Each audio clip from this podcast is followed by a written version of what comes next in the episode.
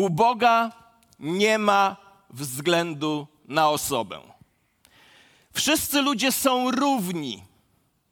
To jedna z fundamentalnych prawd Słowa Bożego. A ta równość wynika po pierwsze z naszego wspólnego pochodzenia. Bóg z jednej krwi uczynił wszystkie narody ludzkie. Czytamy w dziejach apostolskich: Wszyscy jesteśmy krewniakami. Ta równość też wynika ze wspólnego wzorca stworzenia. Stworzył więc Bóg człowieka na swój obraz. Na obraz Boga stworzył go. Stworzył ich mężczyzną i kobietą. Pierwsza księga Biblii. Wynika ta równość też ze wspólnego stosunku Boga do nas. Bóg umiłował świat, a także ta równość wynika z naszego wspólnego położenia. Wszyscy zgrzeszyliśmy i zostaliśmy pozbawieni Bożej chwały, mówi apostoł Paweł w liście do Rzymian. Oraz ta równość ludzi wynika ze wspólnego przeznaczenia. Kto chce, niech darmo weźmie wodę życia. Te pięć faktów stanowią podstawę doktryny o równości chrześcijan i ludzi w ogóle. I ludzi w ogóle. Wszyscy ludzie bez względu na pochodzenie są krewnymi, podobnymi, kochanymi, upadłymi i odkupionymi. Bóg nie jest stronniczy. Jeszcze raz dzieje apostolskie. Bóg nie ma względu na osobę. Bóg nie ma faworytów. Jeśli chodzi o Boga, to istnieją dwie rasy: rasa zbawiona i rasa zgubiona, którą Bóg kocha i bardzo pragnie mieć w gronie zbawionych. Pamiętajmy o tym. Choć wszyscy jesteśmy równi, prawdą o nas jest także to, że nie wszyscy mamy to samo pochodzenie społeczne, nie wszyscy wywodzimy się z tej samej kultury, nie wszyscy, nawet na tej sali, mamy ten sam język, nie wszyscy mamy to samo IQ, nie wszyscy mamy te same warunki ekonomiczne, nie wszyscy mamy te same umiejętności, nie wszyscy mamy te same możliwości.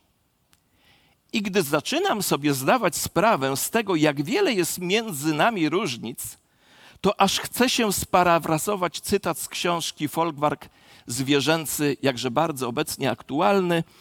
Folkwark Zwierzęcy George'a Orwella. Wszyscy ludzie są równi, ale niektórzy są równiejsi. Czy więc w rzeczywistości wszyscy ludzie są równi, czy też nie? najprostsza odpowiedź, jaka mi się nasuwa, jest taka – przed Bogiem wszyscy jesteśmy stworzeni jako równi sobie. Natomiast na skalanej grzechem ziemi, na skalanej grzechem ziemi nie wszyscy jesteśmy sobie równi. W Kościele wszyscy jesteśmy jednym w Chrystusie. Ale między nami jest wiele różnic. Od początku swojego istnienia Kościół mocno zmagał się z tymi różnicami. Czytamy o tym w kilku miejscach Nowego Testamentu. Żydzi i poganie, Grecy i niegrecy, bogaci i biedni, niewolnicy i wolni, obrzezani i nieobrzezani, mężczyźni i kobiety, młodzi i starzy, wegetarianie i ludzie, którzy jedzą mięso ci, którzy przestrzegają szabatu i nie przestrzegają szabatu, osoby pijące wino i abstynenci. Kościół zmaga się z tymi problemami już ponad dwa tysiące lat. I w tym miejscu docieramy do rozważanego przez nas w ramach serii kazań Jak żyć wiarą, a nie religią listu Jakuba. Jakub w swoim liście rzuca światło na problem równi i równiejsi w kościele – i poza nim, posługując się przykładem kwestii statusu materialnego uczestników chrześcijańskich zgromadzeń.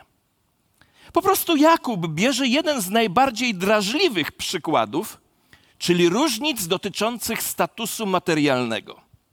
I używając tego przykładu, zmusza nas do stawienia czoła naszej ukrytej tendencji do dyskryminowania z różnych powodów ludzi wewnątrz Kościoła Jezusa Chrystusa.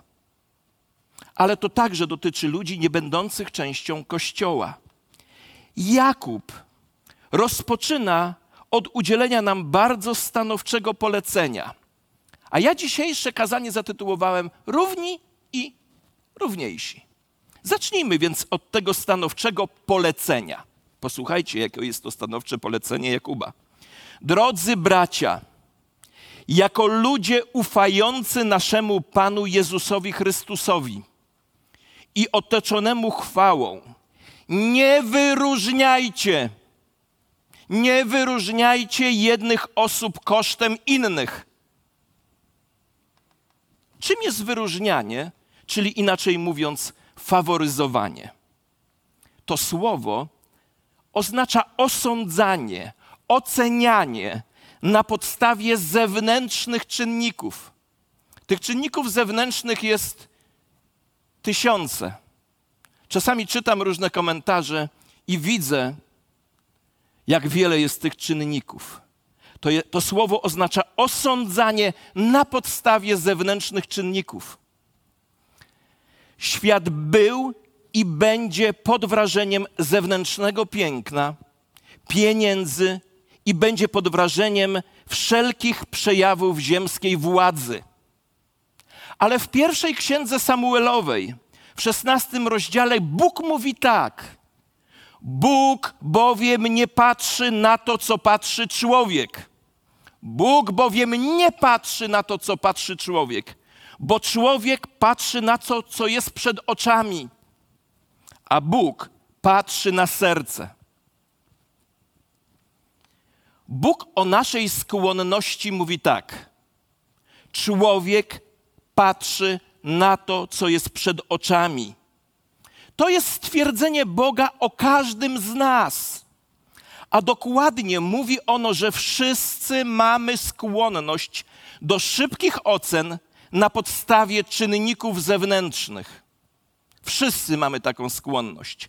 Nawet w kościele, chociażby w kwestii statusu materialnego, łatwo jest dojść do wniosku, że ktoś, kto posiada pieniądze, zasługuje na specjalne traktowanie, a jeśli nam lub innym ich brakuje, to uważamy, że coś z nami jest nie tak. W takim razie przyjrzyjmy się więc kwestii faworyzowania w kościele. Powiem Wam, mam wrażenie, że dzisiejsze nauczanie z listu Jakuba jest niezwykle ważne w naszej kulturze, w zmieniającej się kulturze, w tym, co na co dzień spotykamy, z wyzwaniami, przed którymi stoimy.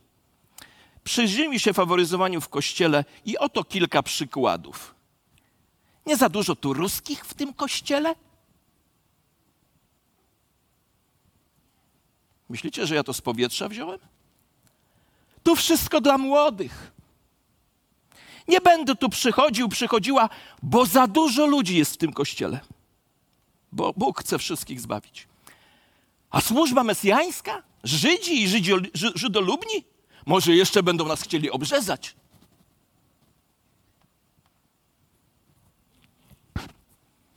Posłuchajcie, jeśli naprawdę, ale to naprawdę wierzymy w Jezusa, to powinniśmy przyjąć każdego, kto podziela naszą wspólną wiarę i każdego, kto chce się ogrzać przy naszych gorących dla Chrystusa sercach.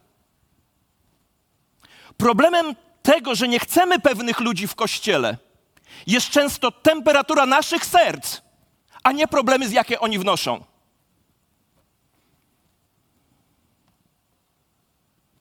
Nie powiedziałem, że zawsze. Powiedziałem, że często.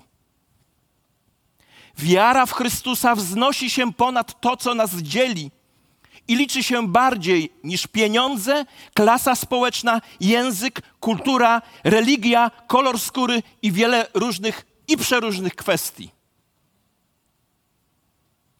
Nie mamy prawa odrzucać współwyznawcy, ale też często innych ludzi na podstawie tych kwestii, które często nie są pierwszorzędne, Bo jak ich odrzucimy, to gdzie mają usłyszeć Ewangelię? Gdzie mają spotkać Chrystusa, skoro Chrystus jest obecny wśród tych, którzy się zbierają w Jego imieniu? Chrystus wśród nas jest większy od wszystkich problemów, jakie wnosimy tu każdy z nas. Stanowcze polecenie brzmi, ale się pastor ekscytuje. Stanowcze polecenie brzmi: nie wyróżniajcie jednych kosztem innych. To polecenie Jakub wzmacnia bardzo mocną ilustracją. I teraz posłuchajcie tej mocnej ilustracji.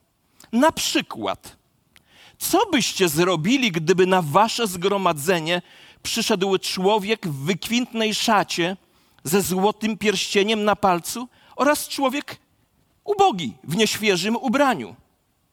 Jeśli zwrócilibyście uwagę na tego bogatego i zaproponowali usiąść tu sobie wygodnie, a ubogiemu polecili ty stań lub usiądź tam przy moim podnóżku, to czy nie byłby to osąd?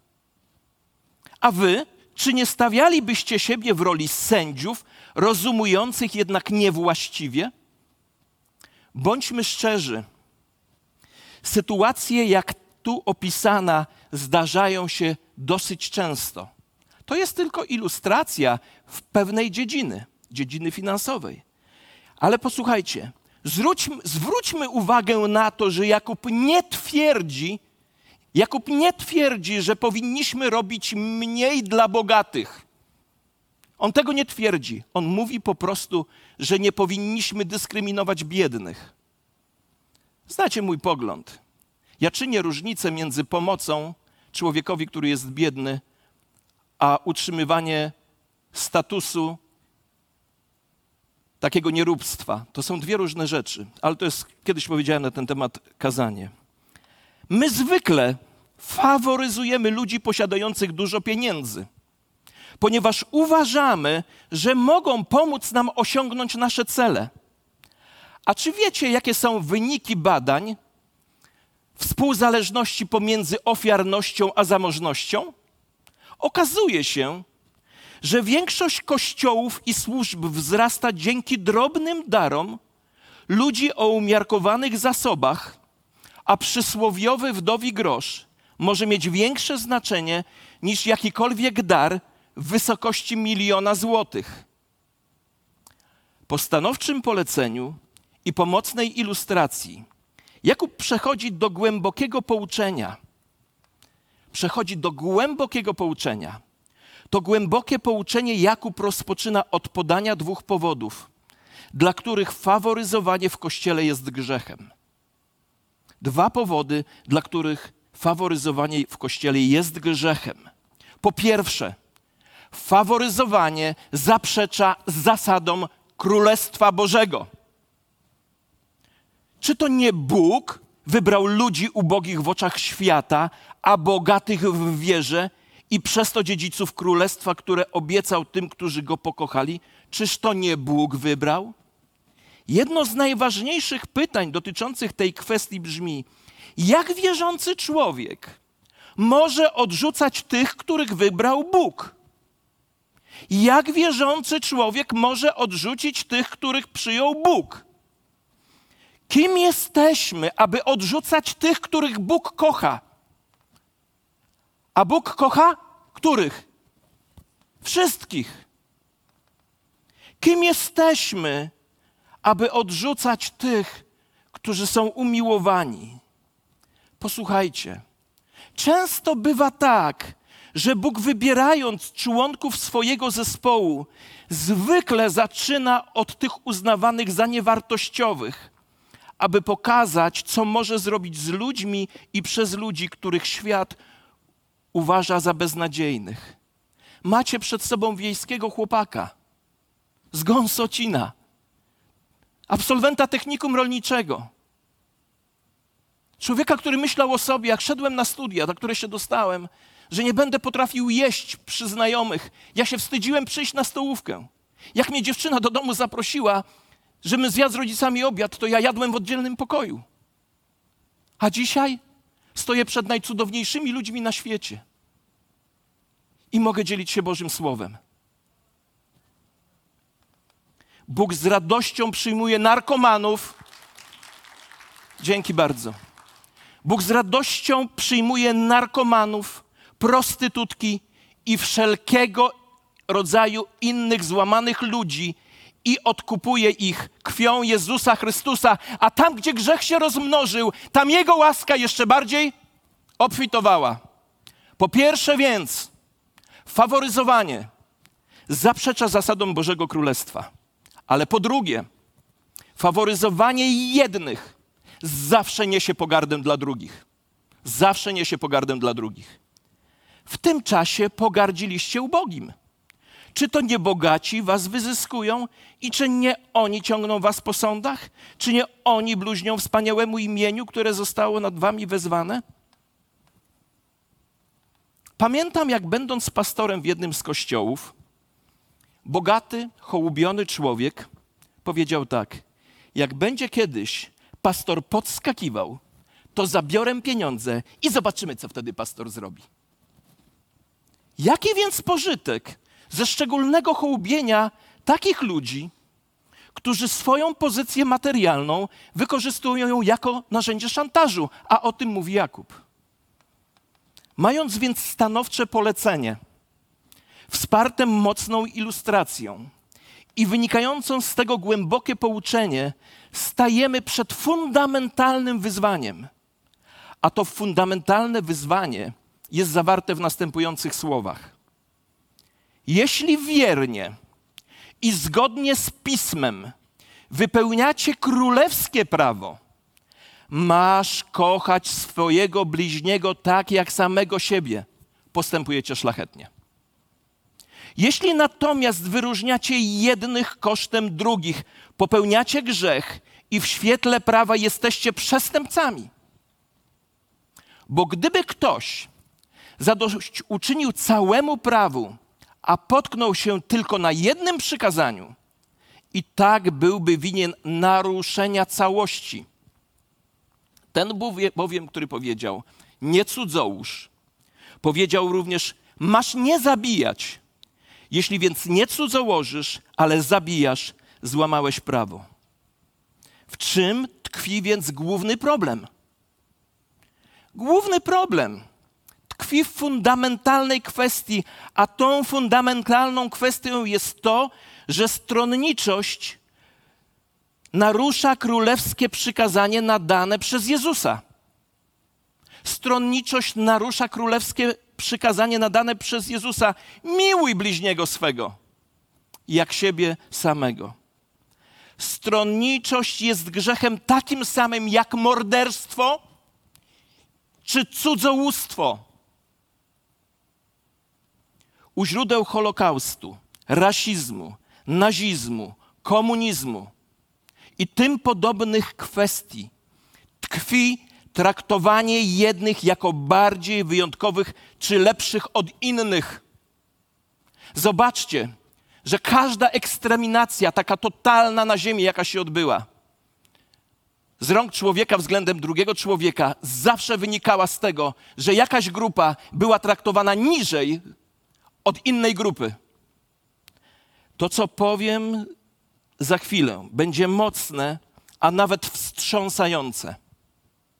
Stronniczość, czy inaczej mówiąc, faworyzowanie jest złe, ponieważ jest morderstwem dokonanym w Twoim sercu i umyśle na osobie, którą niesprawiedliwie osądziłeś i umniejszyłeś.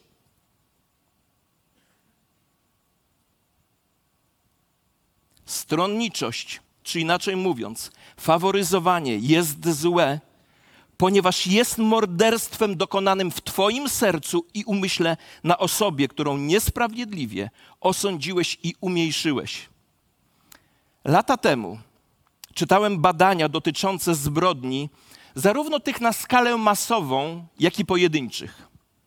Bo zastanawiało mnie, co musi stać się w sercu i umyśle człowieka czy całej grupy, by tak bestialsko zacząć traktować innego człowieka, inny naród, inną rasę, wyznawców innej religii. Okazało się, posłuchajcie, to były dokładne badania. okazało się, że u podstaw leży pomniejszenie wartości danej jednostki czy danej grupy, uznanie jej za rasę niższą czy element animalny, mówiąc inaczej zwierzęcy. A to, te badania pokazały, prowadzi do myślenia następującego. Oni nie tak odczuwają jak my, nie są tak wartościowi jak my, są przyczyną problemów. Oni są bardziej odporni na ból, a od tej ekstreminacji w sercu już tylko o krok od ekstreminacji, eksterminacji fizycznej. Lata temu po rzezi w Ruandzie miałem okazję być na takiej mini konferencji z pastorami z plemienia Tutsi i Hutu. Wiecie, co opowiadali? Opowiadali, że w niedzielę na nabożeństwie razem śpiewali i wielbili Boga. A po niedzieli jedni drugich bestialsko wyżynali z przekonaniem, że w hierarchii jedno plemię jest lepsze od drugiego, a skoro tamci są gorsi, są niżej w hierarchii, to nawet bólu tak mocno nie odczuwają, więc można się nad nimi znęcać. Stoimy więc przed wyborem. I tak zatytułowałem ostatni punkt mojego nauczania. Chrześcijański wybór. Mówcie i postępujcie jak ci, którzy mają być sądzeni przez prawo wolności. Nad tym, kto nie okazał miłosierdzia, odbywa się sąd bez miłosierdzia. Nad tym, kto nie okazał miłosierdzia, odbywa się sąd bez miłosierdzia. Miłosierdzie przezwycięża sąd. W tych wersetach są zarówno dobre, jak i złe wieści. Dobra wiadomość jest taka, że ci, którzy okazują miłosierdzie, otrzymają miłosierdzie. A zła wiadomość jest taka, że ci, którzy sądzą bez litości, będą sądzeni bez litości. Bez litości, czyli jak? Posłuchajcie. Bez litości, czyli sprawiedliwie. Bez litości, czyli sprawiedliwie. Jeśli będę sądzony sprawiedliwie, to dostanę to, co mi się należy. Jeśli Bóg osądzi ciebie i mnie sprawiedliwie, to wyrok może być tylko jeden: wieczna śmierć, ponieważ zapłatą za grzech jest śmierć. Potrzebuję więc sądu nie w oparciu o sprawiedliwość, ale potrzebuję sądu w oparciu o Boże miłosierdzie. Potrzebujesz sądu nie w oparciu o Bożą sprawiedliwość. Jakże często ja się modliłem, Boże, okaż temu człowiekowi sprawiedliwość, a mnie? Potrzebuję więc sądu nie w oparciu o sprawiedliwość, ale w oparciu o Boże miłosierdzie. I tutaj przychodzi do nas Ewangelia, czyli dobra nowina zawarta w ostatnim zdaniu tego wiersza. Miłosierdzie przewyższa sąd. Słyszycie? Miłosierdzie przewyższa sąd. Bo jeśli dostanę to, na co zasługuję, to otrzymam wieczną śmierć, zatracenie wieczne, oddalenie od oblicza Bożego i od mocy chwały Jego, tak mówi apostoł Paweł, i to czeka także Ciebie. Nie chcę więc sprawiedliwości, jeśli chodzi o sąd nade mną, bo sprawiedliwość mnie zniszczy. Jestem takim grzesznikiem, że jeśli poproszę o sprawiedliwość, to tak jakbym prosił o bilet w jedną stronę do wiecznego zatracenia. Nie chcę więc tego, na co zasługuję, nie chcę sprawiedliwości. A prawda jest taka, że ja nie zasługuję na to, czego potrzebuję. A skoro nie zasługuję na to, czego potrzebuję, to potrzebuję otrzymać to jako dar. jako niczym niezasłużone miłosierdzie i niczym niezasłużoną łaskę. A żebyśmy mogli otrzymać miłosierdzie i łaskę Boga, to Bóg okazał sprawiedliwość, wykonując wyrok śmierci za Twoje i moje grzechy na Panu Jezusie Chrystusie. Sprawiedliwość została dokonana. Nie ja poniosłem sprawiedliwy wyrok za mój grzech, tylko ktoś zdecydował się przyjąć sprawiedliwy, sprawiedliwość za mój grzech i zrobił to także dla Ciebie. Sprawiedliwość została wykonana. Dlatego dla każdego z nas, dla każdego człowieka, każdej rasy, koloru, wyznania i wielu innych rzeczy, które nas różnią, jest prezent, łaska i miłosierdzie, które odbieramy jako niezasłużony dar. Jak go odbieramy? W prostej modlitwie, zapraszając Pana Jezusa do naszego serca bo On jest darem miłosierdzia i łaski, dlatego że poniósł sprawiedliwość za mój i Twój grzech. Kiedy Bóg daje nam przezbłysk naszej własnej grzeszności, a wraz z, z nią potrzebę Bożego miłosierdzia, to wtedy i tylko wtedy będziemy mogli kochać naszych braci, nasze siostry i ludzi w ogóle bez oceniania ich na podstawie zewnętrznych czynników. Wsłuchajcie się jeszcze raz w to zdanie. Kiedy Bóg daje nam przebłysk naszej własnej grzeszności, a wraz z tym przebłyskiem potrzebę Bożego miłosierdzia, to wtedy i tylko wtedy będziemy mogli kochać naszych braci, nasze siostry w Chrystusie i ludzi, w ogóle bez oceniania ich na podstawie zewnętrznych czynników. W Chrystusie miłosierdzie zwycięża sąd. Dlaczego więc tak nie jest w moim i w Twoim życiu? Dlaczego tak nie jest w Kościele? Dlaczego chcemy, żeby Bóg traktował nas przez pryzmat miłosierdzia i łaski, a my w tym samym czasie traktujemy bliźniego przez pryzmat prawa, zasad, i wielu różnych rzeczy. Ale my, to Boże, traktuj nas przez pryzmat miłosierdzia i łaski.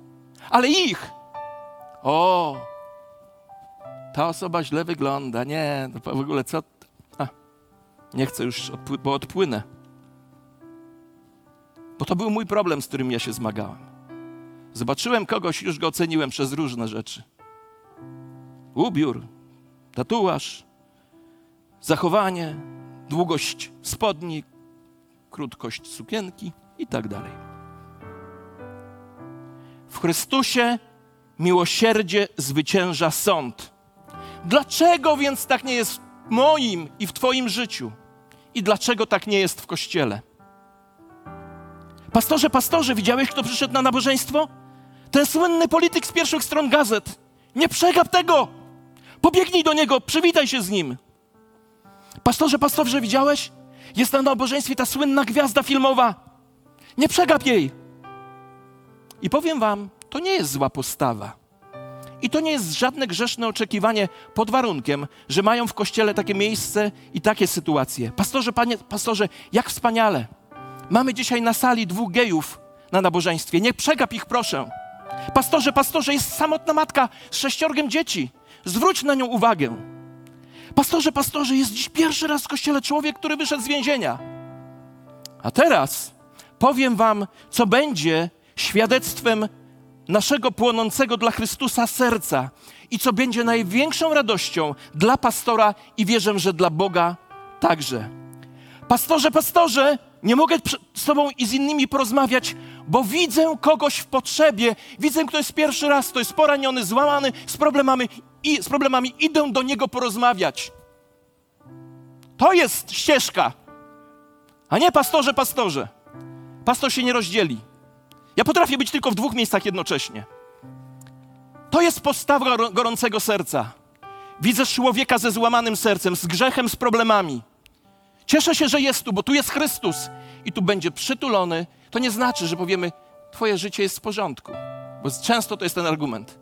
Nie powiemy tego. Powiemy tego, powiemy to, że choć Twoje życie dziś jest nie w porządku, bo nasze też było i ciągle jest, to jest ktoś, kto Tobie pomoże. Jest nim Chrystus, a my będziemy się o to modlić i będziemy na rozmaite sposoby stać obok Ciebie, by Tobie pomóc.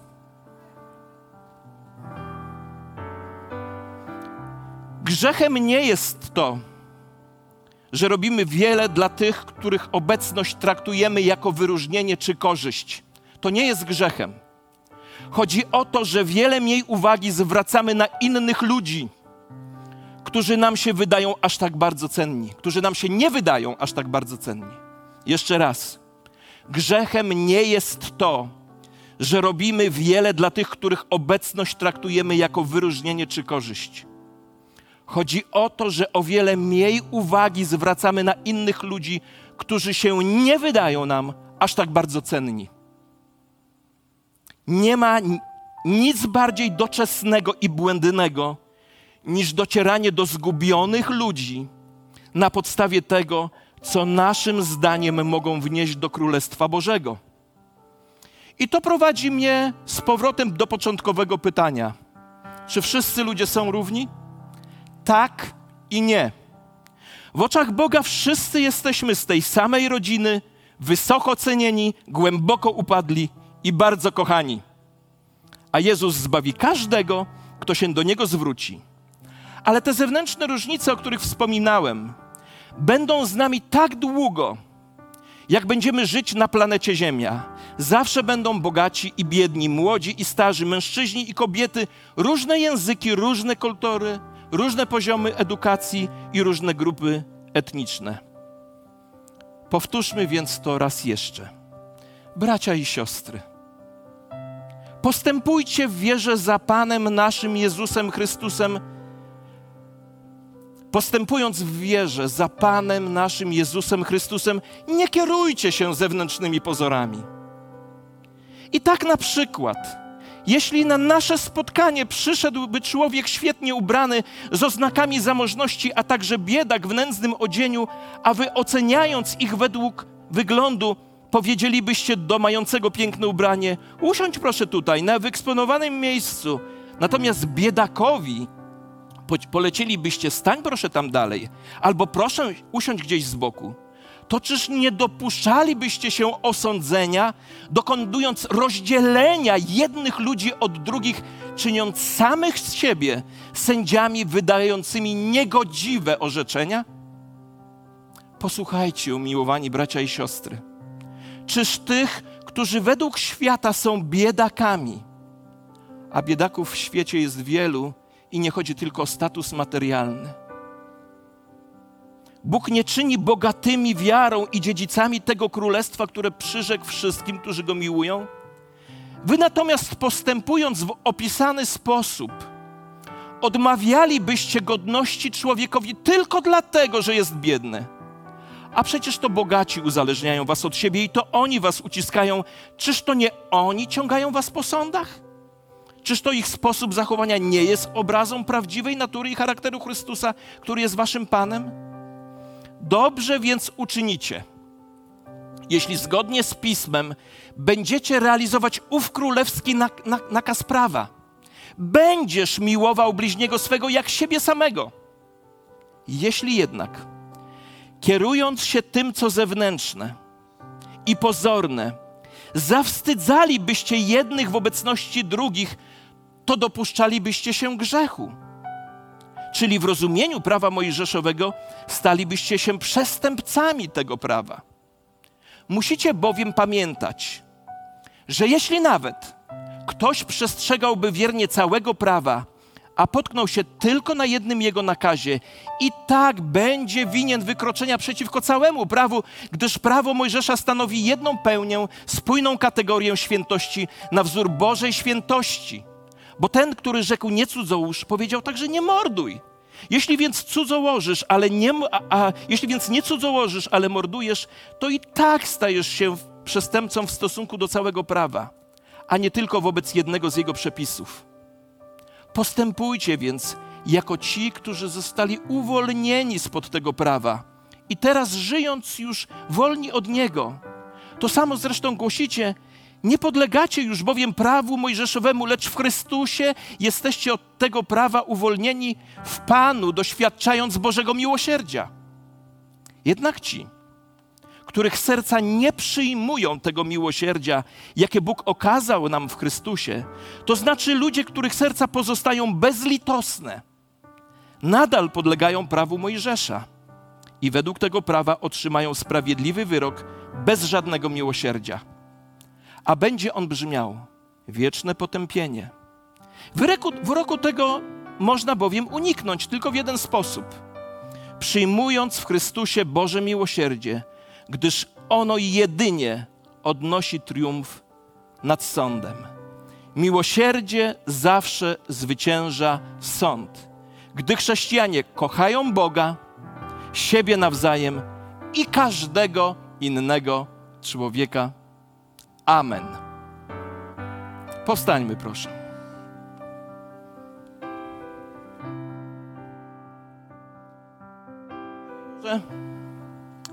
Dziś, będąc tutaj, stając przed Tobą, dziękujemy Tobie, że wszyscy jesteśmy krewniakami. Wszyscy jesteśmy umiłowani. Wszyscy jesteśmy grzeszni. Wszyscy, za wszystkich umarł Chrystus i dla każdego jest życie wieczne.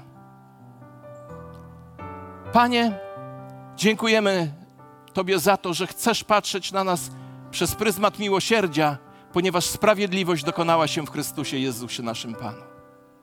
I za tę sprawiedliwość, która nam przynosi prezent w postaci miłosierdzia i łaski, czyli Chrystusa w nas, Tobie dzisiaj dziękujemy. Amen.